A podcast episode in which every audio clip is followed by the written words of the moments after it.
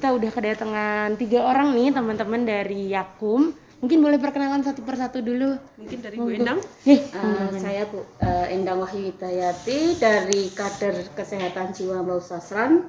Alamat saya di Bau Sasran DN 3679 sekaligus di situ saya sebagai ketua RT. Oke, mantap. Benar-benar ketua RT ya, Bener, bukan bener. karena Bukan istrinya. Bukan istrinya Oh, ketua RT. Bener-bener ya. Wah, mantap Bu RT ini ya. Lanjut nih, Mama. Nama saya Sumiati, saya ODGJ, Mhm. alapaknya di Lempiangan DN 3260. Eh, Oke. Ya. Siang Mbak, eh pagi ya. Pagi. saya Vena, saya dari CO Bau Sasran eh, yang bekerja di Pusat Rehabilitasi Yakum. Oke. Mungkin eh, kita boleh ngobrol sebentar dulu tentang Yakum sendiri Oh, nggak? iya, Boleh dijelasin Ya. sedikit aja Ya. buat teman-teman. Jadi eh, Yakum eh, kalau saya bekerja di Pusat Rehabilitasi Yakum ya. Jadi Pusat Rehabilitasi Yakum itu eh, suatu yayasan dia berge, eh, apa namanya di bawahnya Yakum. Jadi namanya Yakum Yayasan Yayasan Kristen untuk Kesehatan Umum. Kemudian itu di, di bawahnya ada ada banyak maksudnya banyak eh, banyak cabangnya. Dan saya bekerja di Pusat Rehabilitasi Yakum. Ada rumah sakit juga Mhm. ada eh, Yakum Emergency Unit yang yang terletak di di hampir di Indonesia lah. Oke, ada di mana ada di luar di luar Jawa juga. sekarang. tapi ini kita yang di Jogja Iya. gitu ya, Mbak. Oke. Dan eh, teman-teman dari Yakum sendiri sebenarnya udah menginisiasi banyak kegiatan Banyak sekali. selama pandemi Covid ini. Iya. Eh, ada bagi-bagi sembako, ada bagi-bagi benih, bibit dan juga pelatihan eh, untuk eh, nanam tanamannya ya, Iya, gitu. betul sekali. Oke, itu sebenarnya nih Mbak, kita mulai dari awal banget. Iya. Kenapa sih bisa kepikiran untuk bikin eh, program seperti itu gitu? Yang bibit ini ya, Mbak. Iya, betul. Oke. Eh, Saya jelasin sedikit sebelumnya ya. Jadi eh, kita ini ada program eh, penanaman sayur serta budidaya tauge organik. Oke. yang eh, yang terjadi karena kenapa? Karena ini sebagai respon tangkap COVID-19 Mhm. ini. Jadi eh, ini tuh merupakan program yang dibagikan di delapan kelurahan di tiga kecamatan di Kota Yogyakarta. Hmm, di mana aja tuh Mbak? Oh Boleh ya, oke disebutkan ya. Di sini ada di Bau Sasran, di Suryat Majan, Mhm. Tegal Panggung, kemudian ada di Baciro, Klitren, Demangan, Purwokinanti, juga Gunung Ketur. Oke. Itu semuanya di Kota Yogyakarta ya. Hmm. Eh, kebetulan saya CO di Bau Sasran, jadinya Oke. fokusnya di Bau Sasran. Hmm. Tuh. Kita memberikan bantuan tidak berupa uang, tidak berupa tidak berupa uang, tidak berupa sembako, tapi berupa bibit, benih, sayuran yang bisa dikelola sendiri, lengkap dengan pelatihan. Ah, ah, ya, Dengan pelatihannya juga sepaket ya. ya sepaket, ah, lengkap Dan dengan juga pantauan. iya Oke, monitoring. jadi nggak dilepas aja ya, ada monitoring. pantauan juga. Oke, mantap. Gitu. Jadi eh, serta lengkap dengan alat tanam, lengkap dengan media tanam, lengkap dengan satu set alat eh, untuk budidaya tauge, juga benih kacang hijaunya sebanyak 3 kilo. Oke. Gitu. Kemudian kenapa sih kita memilih eh, bagi-bagi apa namanya tanaman dan eh, tauge ini? Kenapa? Karena eh, kita sebenarnya punya dua tujuan. Iya. Yang pertama untuk ketahanan pangan selama pandemi ini, terutama di kota Yogyakarta, agar eh, bisa bisa mandiri untuk ketahanan pangannya nggak nggak jaga kayak dari bantuan dari pemerintah atau dari yang mana seperti itu. Kemudian yang kedua adalah untuk sarana rekreasi. Hmm. Maksudnya di sini adalah mungkin karena karena pandemi ini ke- eh, kegiatan yang bisa dilakukan oleh lansia, difabel dan ODDP, ODDP itu orang dengan eh, disabilitas psikososial. Ya. Kalau dulunya mungkin disebutnya ODGJ orang dengan gangguan jiwa, Gangguan jiwa, seperti itu.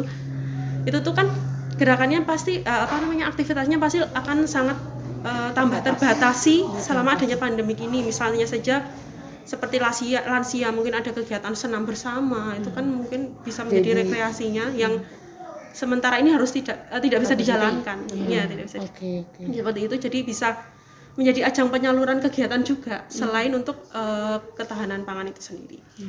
Kemudian mungkin dari sisi pemerintah juga kan eh, pemerintah sudah memberikan banyak bantuan ya mbak kita tahu Bu Endang juga menjadi kadernya yang ngurusi semua bantuan Wah, sibuk tunai dan ya. bantuan non tunai ya bu ada nggak bu ya? bantuan non tunai dari Bantuan pemerintah? non tunai eh, teman kita yang satu geng. oh iya Oke, Oke. oke. Bagainya banyak Iya. iya gitu terus eh, karena biar apa namanya nggak nggak numpuk dari pemerintah juga bantuannya sembako uang jadi kita cari yang lain Oke. itu Iya, dan menarik banget nih ya. Iya. Oh, karena memang bantuan-bantuan kita lihat biasanya inisiatif itu berupa eh, sembako aja Uh, gitu. Ya, sembako gitu. uang sembako uang Heeh, Kalau itu sembako kan iya sembako kan mungkin sebulan lah katakanlah habis iya. maksudnya kan nggak nggak berkelanjutan sedangkan Betul. program kita inginkan berkelanjutan selain itu kan juga kita berharapnya selain untuk ketahanan pangan mandiri eh, keluarga juga bisa mungkin nantinya akan bisa dijual lagi Iya. kayak gitu Heeh, jadi bisa menghasilkan juga Iya. ya. Oke. Nah, terus untuk Mbak Sumi dan mungkin Bu Enang yang memang ngerasain langsung itu waktu itu waktu prosesnya mekanismenya gimana tuh Bu? Ada nggak cerita-cerita serunya di balik ketika inisiatif tersebut?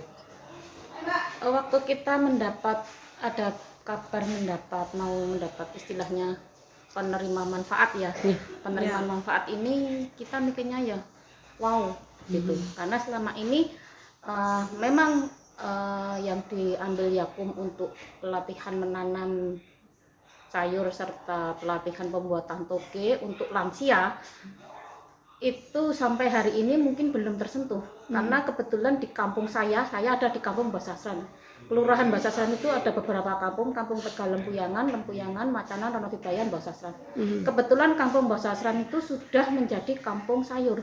Oke. Nah, yang saya pikirkan juga waktu saya mendapat kabar dari Yakum eh, akan mendapat bibit pelatihan. Saya sedikit agak lega dan gembira juga ya karena antusias ya Bu? antusias juga. Karena lansia yang yang selama ini ada di wilayah kita belum pernah sama sekali mendapatkan bibit. Sementara kan sebelum sebelumnya itu memang ada bantuan bibit yang datang ke wilayah kami. Mhm. tapi yang data-data yang kita saring itu belum pernah mendapat bibit. Sementara mereka-mereka yang kita tahu nama-nama itu mereka juga suka menanam. Eh, harapan kita eh, seperti gayung bersambut mereka suka menanam dapat bibit mesti senang. Dan ternyata memang setelah kita lakukan di wilayah mereka senang Senang. terus masih yang ada satu yang cerita lucu juga Hmm. eh, di ODGJ Mbak Win oh Elwin Darti. Elwin Darti. itu beliau betul-betul istilahnya eh, seratenannya agak sulit ya Mhm. penanganannya penanganannya agak Iya. sulit untuk berhubungan sosial seperti ini tapi yang menangani kakaknya Oke. saya tahu kakaknya itu dari orang-orang bahwa beliau itu dulunya seorang preman Oh, Oke. tapi kita melihat hasilnya ya Mbak Vina Iya. bagus tanamannya saya kan jadi amazing ya ternyata dia juga Maksudnya suka- bisa gitu Hah, ya. bisa ter- tanamannya bagus-bagus lebih bagus dari yang lain Wow. Nah, kemarin nggak mendapat award karena yang melakukan kan bukan Bukan. si Mbak Elwinnya Ya. tapi eh, kakaknya karena di situ dia satu rumah itu hidup bertiga Mbak Win Mhm. Pak Pur itu eh, kakaknya Mbak Win terus ada anaknya anaknya itu juga ODDP Oke. Nah, tapi beliaunya itu eh, apa yang diberikan oleh Yakum dia respon dengan bagus. Dia juga Hmm. membuat toge, dia juga menanam padahal dia laki-laki. Hanya mewakili adiknya yang sakit tadi. Oke. Dan itu tetangganya juga Kagum ya. Bu. tanamannya bagus-bagus terus eh, Bu RT yang sebelahnya itu tanya Bu Endang itu yang tanamannya Pak Pur itu bagus-bagus boleh tidak itu kita kelola di PKK RT 37 monggo jenengan taren dengan Pak Pur. Ikhlas tidak? Eh, beliau eh, menjawab mungkin boleh karena hasilnya saya melihat fotonya itu sudah tertata rapi. Oke. Iya. Wah, keren banget Iya. ya.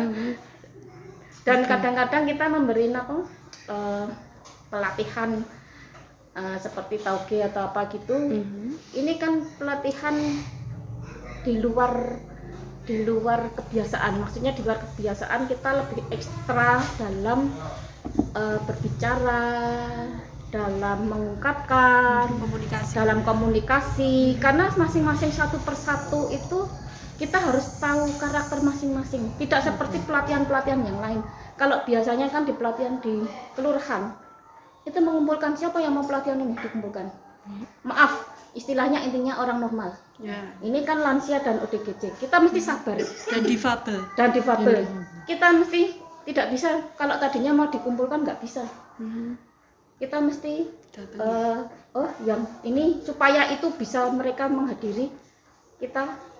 daerah sini siapa siapa siapa jadi pelatihan itu memang kadang-kadang ada yang satu betul-betul nggak bisa hadir kita datangi Oh, ke rumahnya. iya ke rumahnya Oh, biarpun oke. cuma satu orang Iya, iya, iya. bahkan pelatihan yang terakhir tauge itu Iya. karena beliaunya pakai kursi roda dan rumahnya sempit nggak bisa dilewati Hmm. kita datang ke kamarnya Wah. mungkin mbak Vena ada rekamannya juga Mbak Ratna Eh, mbak Ratnawati kita Oke. datang ke kamarnya ke kasurnya kita beri eh, pelatihan di situ Mhm. yang mereka dia yuk antusias Wow. masalah untuk kita istilahnya karena sebenarnya kan mereka mau dilatih cuma memang kondisinya tidak memungkinkan untuk keluar tapi dan tauge itu bisa dilakukan di dalam rumah Ya, tidak harus keluar. Betul betul, pas Iya. banget berarti Iya. ya pemilihan tauge ini. Oke, kalau Mbak Sumi waktu itu gimana tuh, Mbak? apa ya mungkin Eh, lebih spesifik nanyanya Oh, waktu eh, program itu dijalankan, ada nggak cerita-cerita yang menarik juga seperti tadi Bu Endang cerita tentang dari eh, bagaimana respon warganya gitu? ya responnya bagus sih kan. Aku jadi bisa nanam toge juga. Mm-mm. tadinya nggak tahu nggak tahu belas soal toge. Hmm, awalnya hasilnya cuman aku bagi-bagiin ke tangga aja. Hmm, dan mereka seneng wah sekarang udah bisa nanam toge. Ada hasilnya bilang gitu. Hmm, ya hasil pelatihan dari Yakum mau bilang gitu hmm. aja. Jadi juga ini ya bermanfaat banget dan langsung dikonsumsi, Sumi. iya Oke, mantep. Dan tadi selain toge ada sayuran lain ya Mbak iya Vena? Apa aja tuh? tanaman jadi kita itu untuk budidaya tanaman sayurnya kita Mhm. ada 200 bibit yang dibagikan yang dibagikan Ah, ah, Oke. perbainan. 200 tuh per per, per name ya Mhm. jadi ada kangkung sawi pokcoy sama bayam Oke. kemudian untuk benihnya kita ada terong anu tom eh tomat tomat cabe tomat cabai kangkung Mhm. kangkung dan satu lagi sawi sendok oh iya maaf saya sawi sendok Ini emang pas banget sih, emang ini buat Iya. makanan sehari-hari banget sih. kenapa kita memilih itu juga karena apa namanya uh, panennya tuh kan juga nggak memerlukan Nggak waktu panjang. yang panjang gitu loh. Oke, Nah, jadi kurang bisa- lebih berapa lama tuh? Mungkin kalau itu nanti bisa di- ditanyakan jadi Bu Endang ini selain jadi kader juga jadi fasilitator kita karena Mhm. karena apa kontribusinya di, kontribusinya beliau di dunia pertanaman itu sudah tidak Oh, diragukan lagi Jadi sebelum program ini juga Bu Endang sebenarnya udah iya jago nanam nih. ha-ha. saya selain ketua RT juga ketua kelompok tani Wah, Nah, seperti itu jadinya Gimana? nyambung kita Gimana Bu Endang? Berapa lama sih Itu paling biasanya? lama itu 90 hari tapi sebenarnya Mhm. kalau untuk seperti kangkung Mhm. kangkung itu asal dia sudah terlihat lebih dari eh, dua apa ya ini itu jengkal? pokoknya dia lebih dari itu sudah bisa kita potong Oke. kita potong dia akan bercabang lebih bagus Mhm. itu bisa kita konsumsi seperti bayam juga itu pun sebenarnya dia panennya kan dicabut tapi Mhm. kalau itu mau kita potong juga nggak masalah Oke. fleksibel aja se- se- sesuka kita Hmm. yang penting tanaman itu eh, media tanamnya eh, tercukupi nutrisinya juga tercukupi karena kemarin kan juga selain eh, dapat media itu juga pupuknya juga dapat Iya, dapat eh, pupuk eh, juga iya, ya. eh, eh. Mhm. jadi eh, itu sudah satu paket tinggal kita mau mengolah atau enggak itu aja Oke. tapi karena kemarin eh, ada bantuan itu Mhm. ada yang masing-masing ini tanamanku sudah bagus ini kok nggak besar ini kok anu mereka masih bertanya lewat WA Oke, oke, berarti masih, iya itu dia Ya, ada, masih ada monitoring ya, tadi ya. monitoring ya. Oke, monitoring masih tet- terus berjalan selama Mm-mm. program ini sip, mantap. Nah, ini kan kita laksanain selama pandemi COVID. Iya. Terus gimana nih caranya, mekanismenya biar tetap aman dilaksanakannya? Oke, kalau bicara dari awal kita karena di pandemi kita kan eh, untuk awalnya ada se- assessment. Mhm. Yang pertama kita dapat data dari kelurahan siapa aja eh, data lansia, difabel dan ODDP wanita kan kita kita memang khususnya wanita, Wanita. Mbak, di sini. ha. Eh, dari kelurahan kita dapat terus kita komunikasikan ke kader kemudian eh, mungkin memang kelurahan itu kan ada datanya tapi yang tahu real real gimana Di- di keadaannya wilayah. di Di wilayah wilayah itu itu kan kader. kadernya Kader. jadi kader yang memilih kita kan per per kelurahan ada 17 yang mendapatkan Mbak. udah dipilihin sama sama Bu Endang dan teman-teman udah fix terus kita datangin satu-satu untuk assessmentnya. Mhm, berarti sempat dari Ah. dulu. kita memang mem- meminimalisir untuk perkumpulan seperti itu. Itu yang pertama kemudian yang kedua itu distribusi. Eh, distribusinya itu eh, vendor langsung vendor yang udah kita kita namanya, hubungi udah langsung menurunkan semua material yang kita pesan di satu titik. Kemarin itu di Masjid Al di Masjid Al Amna Oke. karena dapatnya banyak kan nggak mungkin apa namanya eh, para beneficiariesnya kita harus datang ambil itu kan juga nggak mungkin. Selain di, di samping karena difabel dan lansia nggak mungkin bawa sendiri juga kita meminimalisir untuk mereka berkumpul. Betul. seperti itu. Jadi kita minta bantuan kader lagi untuk Meng- untuk distribusikan. mendistribusikan. Kita datangi satu rumah Ke rumah-rumah. iya ya. heeh, bener-bener satu rumah. Banyak ya bu ya? banyak. Bener-bener 17 bainem kita datangi per rumah dengan tiga tiga karung ya? Wow. karung. Tiga karung. Itu belum satu sama truk. bibitnya satu krak Wah. besar itu. Kita bisa bolak balik ke rumah itu satu nama itu bisa lima kali. Oh. karena nggak mungkin diambil di bawah satu kali. Iya bener sih benar benar benar benar. terus kemudian eh, setelah distribusi itu ada pelatihan. Pelatihannya juga per kelurahan kita. Kalau di bawah sasan itu sampai tiga kali sudah diceritakan sama Bu Endang. Apa namanya nggak bisa dibuat sekali karena nggak boleh karena memang nggak boleh. Satu nggak boleh satu nggak memungkinkan. Tidak memungkinkan Ya, juga. Betul betul betul. sedangkan untuk mekanisme pelatihan sendiri kita eh, tetap mematuhi protokoler yaitu masker jaga jarak juga cuci tangan. Kita juga periksa suhu. periksa suhu Wah, dulu. oke. benar-benar harus eh, apa namanya sesuai dengan protokol seperti itu.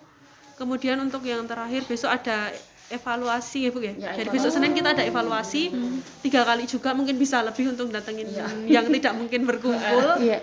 seperti itu tetap tiga kali kemudian ya seperti itu Oke. Maksudnya tetap protokoler yang paling yang paling harus dijaga karena donor kita juga kebetulan ketat banget Mhm. harus semua foto dokumentasi juga harus benar-benar masker jaga jarak itu harus diperhatikan Tetap selalu ya. Iya, nggak kena heeh. ini. Monggo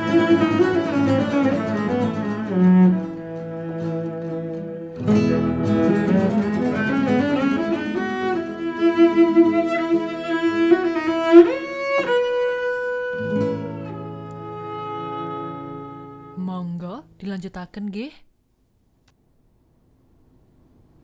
Itu eh, kegiatan ini sendiri sebenarnya udah dijalanin dari kapan nih mbak? Eh, kita itu ya? mulai nih Mei ya bu ya Mei Juni Juli kita ya mulai Mei deh ini acara mulai Iya. dari pendataan Mei, Mei. ya Mei. Mei, Mei. tiga bulan kan karena memang kita tiga bulan Mei Juni Juli tapi mungkin untuk seterusnya nanti bisa monitoring sama kader aja. Oke, baiklah.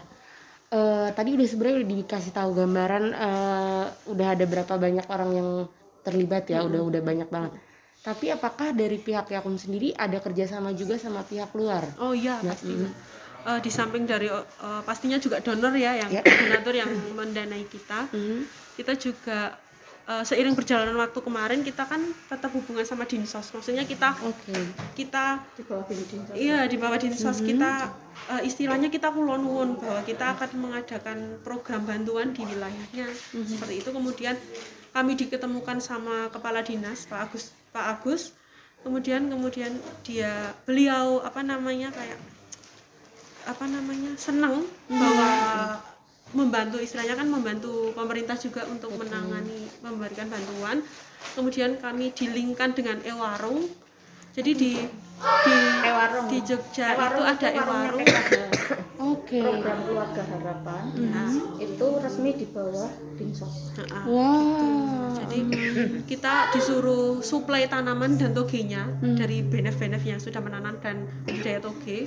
Tapi karena waktunya kemarin terlalu singkat jadi yang bisa kita setorkan baru togenya. Oke. jadi kita ambilin satu-satu dari para benefnya.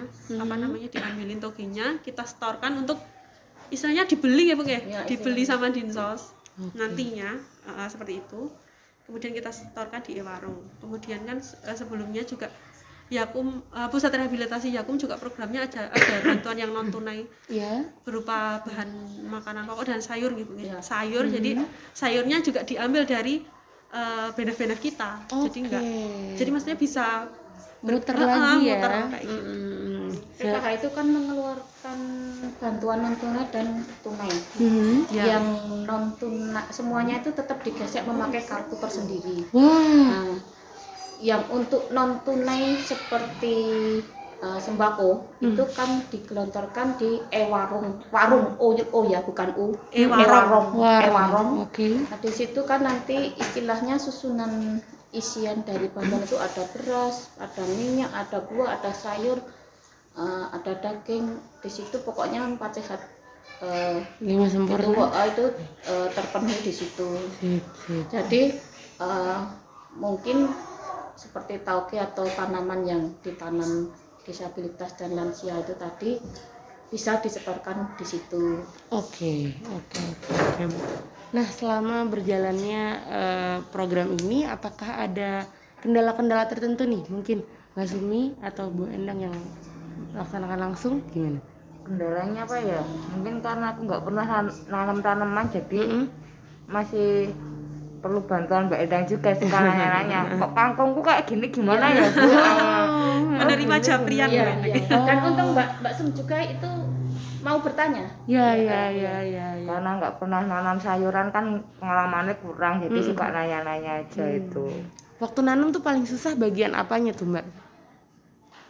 Waktu nanam kan dapatnya kan udah dimasukin bibitnya jadi cuma tinggal nyiram aja. Kan- Karena pada saat kemarin bibit datang, eh, Mbak Sum itu baru berduka bapaknya baru di rumah sakit meninggal. Oh, pada saat Mbak. pada saat bibit dibagi beliau baru itu. Makanya kita kayak, aduh ini Mbak Sum gimana Eh, tapi tetap dia kita latih soal pertaniannya Mhm. terus tanamannya kita pikir daripada itu nanti mati kita serahkan ke Pak RW-nya Hmm. Nah, jadi itu alternatif untuk eh, pengelolaan tanaman Mbak Sum tapi Mbak Sum tetap dia mendapat tanaman yang ap- yang yang dia inginkan Hmm. untuk pemeliharaan sebagai dari wujud perla- dia pelatihan tanaman sayur Oke, oke, oke, oke. Terus kalau dari mungkin segi operasional, kendalanya gimana tuh? Kalau dari segi operasional sebenarnya kita udah sangat terbantu sekali sama kader-kader sih Mbak. Hmm, ini kader nih kita kita yang top ya. mikirin untuk distribusinya gimana itu tuh sudah benar-benar dibantu sama kader. Oke. Jadi intinya kalau ditanya siapa saja yang bergabung tadi ditanyain juga maksudnya di luar Yakum yang paling utama sebenarnya adalah kader. Kenapa? di sini benar-benar kita ibaratnya tuh yang menjalankan malah kadernya. Kalau kita tuh cuman cuman Iya, mm-mm, menggelontorkan perantara aja tuh Mbak sebenarnya. kendalanya itu malah gini aku kok rentuk karena memang tanaman bibit tanaman sayur itu di kelurahan Basasan itu mereka antusias Iya. kalau aku rentuk gitu loh kan karena mereka tidak tahu istilahnya yang mendapat itu siapa saja Ya. tapi setelah kita jelaskan ini kriterianya ini ini oh ya sudah gitu pikirnya semua orang dapat tapi kok aku rentuk rasanya karo aku kopi gitu tapi kan karena ada kriteria masing-masing seperti ini oh ya sudah nggak apa-apa Hmm. Hmm, mereka istilahnya juga legowo Oh iya, nerima airnya. iya iya Iya, jadi kalau operasionalnya sih sudah sangat terbantu Mhm. sama kader. Oke, itu ya berarti Iya. udah sangat terbantu banget. Nah, terus ini kan tadi kita udah cerita nih tentang eh, gimana eh, program ini berjalan dan segala macam. Untuk ke depannya, apakah ada strategi khusus biar program ini tetap tepat sasaran dan tetap berkelanjutan gimana Oke, tuh? iya. Kalau untuk agar tetap tepat sasaran dan berkelanjutan, mungkin poin pertama yang dari awal memang harus kita benar-benar cermati adalah kemauan dari BNF dulu. Mhm. Maksudnya mereka mau atau tidak, mereka antusias atau tidak. Kalau cuman mau-mauan aja juga susah kan. Iya. Maksudnya kalau mereka antusias, kalau mereka senang pasti akan dikerjakan. Jadi setelah program ini dari kami selesai tiga bulan pasti juga akan berkelanjutan lagi seperti itu. Yang pertama eh, kemauan BNF-nya dulu. karena kemarin memang ada yang didatangi waktu pertama kali kita survei ada yang menolak Ada yang menolak, memang ada. betul-betul menolak saya nggak bisa saya nggak anu gitu seperti Biasanya karena apa tuh Bu kalau penolakan tuh? dia waktu itu alasannya hanya karena nggak punya lahan Oke. terus nggak ada yang bantu karena tanaman 200 itu banyak Ya, ya. di begitu ditanam itu bayangannya saya sendiri pribadi yang sering nanam nanam itu aja. 200 banyak loh ini mesti mesti maksudnya kalau ini boleh di, di- dibagi dengan tetangga atau anu nggak masalah. Waktu itu ya aku juga ya nggak masalah. Nah itu ya oke kita 200 itu kita nanam 50 aja sudah banyak sekali Iya, dengan iya, pasti. itu. Nah, mungkin eh, apa? Ya memang seperti yang diutarakan Mbak Tena tadi. Dibalik lagi dia bersedia nggak kalau dapat eh, seperti ini penerima manfaat seperti ini dia melaksanakan nah itu harus di di, di ditanya ulang karena memang betul-betul ada yang betul-betul menolak karena ya. nggak alasannya nggak punya Mm-mm. lahan terus eh, nggak ada yang bantu oke oke oke Padahal di sini kan program kita itu apa namanya? Gimana cara lahan yang sempit di perkotaan bisa dimaksimalkan untuk ketahanan pangan. Hmm. Padahal sudah ditata sedemikian rupa Ya, ya, Bu. nah, dan itu waktu survei pertama sudah dilihat rumahnya itu Memungkinkan atau tidak? memungkinkan untuk diberi polybag atau wall wall planter. planter. Jadi tidak hanya tidak hanya Pot-pot eh, plastik. pot-pot plastik atau yang ditaruh kan umpamanya kita di rumah punya tembok pun hanya ditempeli tembok Mhm. jadi kalau wall planter itu jadi yang rak tersusun gitu nggak Kayak yang kantong sepatu, tuh, sepatu itu loh Oh iya iya itu. iya iya oke Iya. itu ya Iya. Heeh. dan itu bisa untuk semua tanaman juga ya bu itu hanya tanaman sayur Sayur aja. seperti cabai terong. terong itu nggak bisa oh Karena Karena terlalu dia- besar nih. harus dia besar tapi kalau tanaman sayur seperti kangkung bayam Mhm. sawi putih atau sawi sendok pokoknya yang tanaman sayur dia bisa oke kalau di Masumi eh, wall planter atau polybag di polybag. Oh pel- polybag ya? Mhm. Karena kebetulan lahannya ada. oke. biasanya butuh lahan berapa berapa besar tuh ya untuk polybagnya mbak kurang lebih. Tergantung penanamannya. Kalau kita hanya eh, istilahnya sebenarnya kalau hanya tembok sekian aja Mhm. itu wall planter sekitar satu dua sekitar enam. Ini bisa satu wall planter isi 16 oke bisa dihitung berapa sayuran yang akan kita tanam di situ. Ya ya ya ya. Itu pun wall planter. Kalau kita pakai botol aqua yang gede kita renteng itu bisa seratusan lebih. Wow berarti iya ya sangat mudah sebenarnya untuk Sebenarnya- menerapkan ini. sebenarnya tidak ada alasan untuk tidak menanam. Cuma kemauan aja yang Ya. penting. Iya, Oke. iya. oke oke oke. Jadi lahan itu tidak menjadi lahan itu tidak menjadi alasan tidak menjadi Tidak alasan menjadi ya, walaupun kita di perkotaan Iya, Iya. yang penting itu hanya kemauan aja, mau atau tidak. Waktu itu yang memang yang ditanyakan Mbak Vena ke ke Bebainem itu Mhm. kosong enggak? Hanya itu aja. Iya. Bukan ditanya punya lahan enggak? Ah, yang ditanya cuma mau atau enggak. Iya iya iya iya. Oke, begitu ya. Terakhir nih, Iya. Mbak. Kalau misalnya eh, orang-orang nanti nih eh, akan mendengar inisiatif ini dan mungkin tertarik banget untuk ngedenger dan pengen terjun bantu langsung, ada nggak cara untuk masyarakat umum eh, bisa terlibat dalam inisiatif ini? Kalau untuk masyarakat umum mungkin kalau menurut saya bisa meng- meniru pengaplikasian di di masing-masing sih ya Mbak. Hmm. Soalnya kalau untuk kita memberi bantuan juga karena memang sudah cuma di sini aja, maksudnya di delapan kelurahan mungkin bisa meniru apa namanya Oke. eh bisa meniru maksudnya kemauan Ilmunya. ilmu ya Ilmunya. ilmunya kemauan untuk menanamnya dulu seperti Oke. itu mungkin bisa apa namanya bisa tanya-tanya juga kalau Kalau mungkin yang berkenan seperti menanam sayur itu kan kalau di masyarakat umum kita sudah maksudnya sudah itu mereka sudah tahu karena sebelumnya memang kita sudah ada kampung sayur itu. Hmm. Istilahnya tinggal melanjutkan. Cuman yang untuk tauge, nah khusus tauge itu Itu ya. karena kemarin yang penerima manfaat kan hanya lansia perempuan lansia dan difabel dan difabel. ODDP perempuan Nah, Mhm.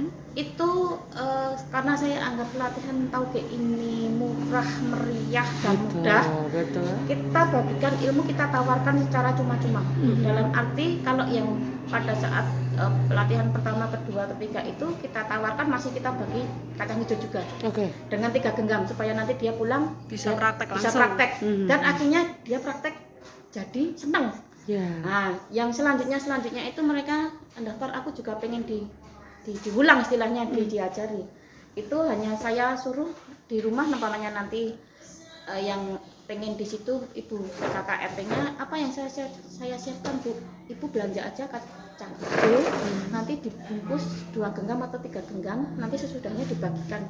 Saya hanya menyarankan menyarankan itu. Dan mereka juga senang. Ini besok tanggal Sabtu kita masih juga masih ada lagi. Melakukan uh, masih lagi? ada. Wow. uh, uh, jadi antusias warga yang tidak di luar ini untuk luar tauge 17. banyak. Uh, uh, Iya. jadi pelatihan mandiri di luar Yakum tapi itu juga kita beritahukan ke Yakum bahwa antusias warga yang di luar itu banyak banyak Wah. Jadi eh, apa namanya kalau masyarakat umum gimana caranya berpartisipasi seperti yang disampaikan Bu Enang tadi namanya di kami adalah benefit tidak langsung. Tidak Maksudnya langsung. adalah mereka di luar beneficiaries yang 17 list kita Mhm. yang mau yang intinya mau Yang aja sih antusias. yang Yang antusias bisa menghubungi me- berinisiatif ya Bu sebenarnya Ya, berinisiatif berinisiatif. menghubungi Bu Endang Oke. Ya. sehingga eh, Bu Endang melakukan pelatihan. Jadi kita juga di luar di luar ekspektasi kita sih Mbak. Tiba-tiba ya. tiba-tiba saya di- dikabari sama Bu Endang ini ada yang mau mau minta diajarin, Nah, kemudian Bu Endang apa ngadain pelatihan sendiri. Tapi juga tetap tetap maksudnya protokol juga tetap tetap berjalan protokol. hebatnya seperti itu. Dan udah sampai berapa? Ya, 25 an udah ada. banyak yang- banyak banget ya Bu. ya? banyak waktu itu lima.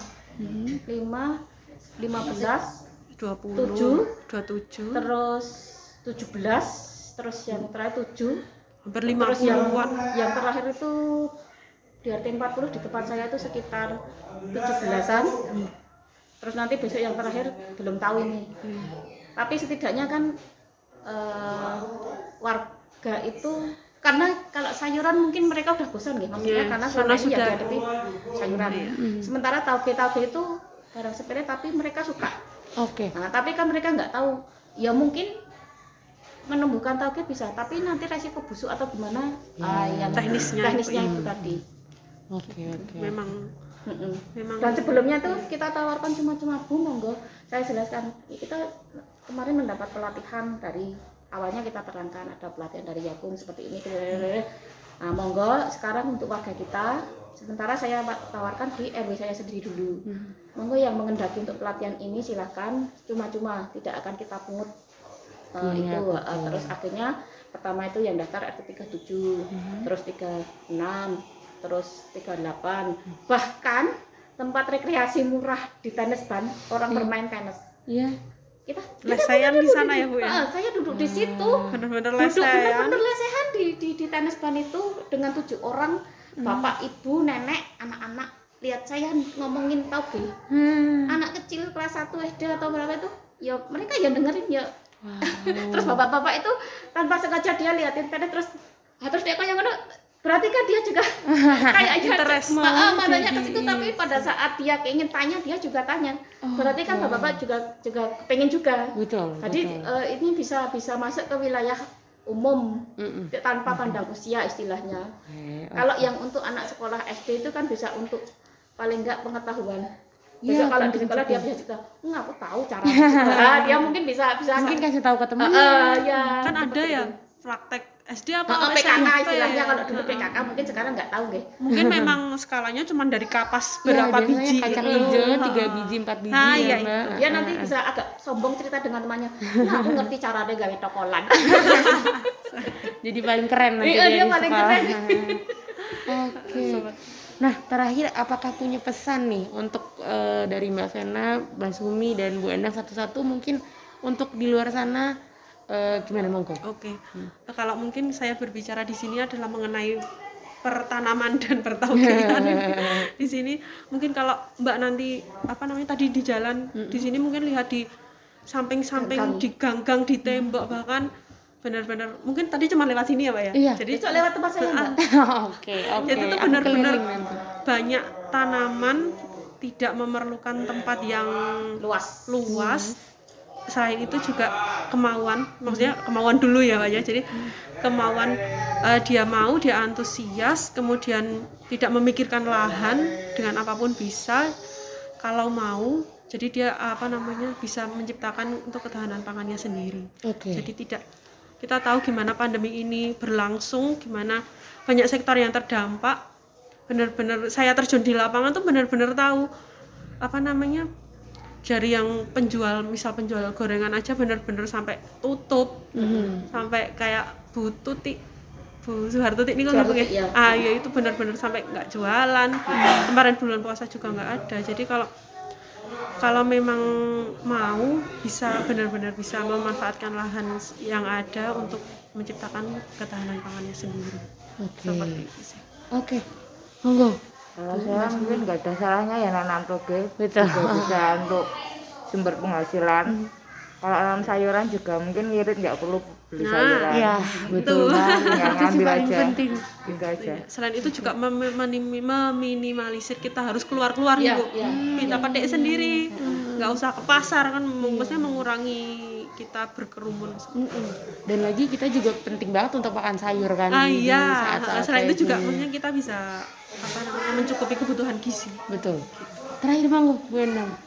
Eh, saya terima kasih sekali untuk Yakum atas pelatihan yang sekarang ini karena kemarin-kemarinnya sudah banyak pelatihan, tapi yang ini saya anggap amazing. Karena eh, antusias penerimaan dari semuanya itu terbukti maksudnya eh, mereka lebih lebih lebih apa ya lebih semangat untuk menerima itu dan manfaatnya juga lebih lebih nyata terus eh, mudah-mudahan besok ke besoknya itu ada pelatihan yang semacam ini yang mungkin nggak mungkin ya ini nggak diperhitungkan mungkin mungkin diperhitungkan nama Iya, sangat pasti. dan ini juga kalau yang sekarang ini selain untuk ketahanan pangan juga untuk eh, refreshing kita Betul. eh, dalam oh aku bosen bosen Ya. bosen Iya, banyak yang Bosen-bosen, ngeluh ya, tuh. itu bisa jadi rekreasi murah meriah karena eh, istilahnya memang kayak seperti tokolan itu kan barang murah ada ke pasar itu terlalu lama kalau di rumah. Oh, tiga hari lagi saya mau masak ini kita tinggal dibuat ah duduk-duduk aja nggak usah ke mana-mana Iya. ya. Jadi mungkin eh, terima kasih untuk eh, Yakum atas kerjasamanya selama ini syukur-syukur besok kita akan dapat pelatihan lagi yang lebih dari ini Amin. eh, yang mungkin bisa kita sebarkan atau kita eh, perbanyak ilmunya untuk yang lain yang membutuhkan. Oke. Sip kalau gitu terima kasih banyak Mbak Sena, Iya, Mbak Sumi dan Bu Endang. Mudah-mudahan teman-teman yang dengar juga bisa semakin terinspirasi untuk buat gerakan baru di lingkungannya untuk menanam toge nih seru banget. Terima kasih sekali lagi. Iya, terima Mbak kasih. Bu.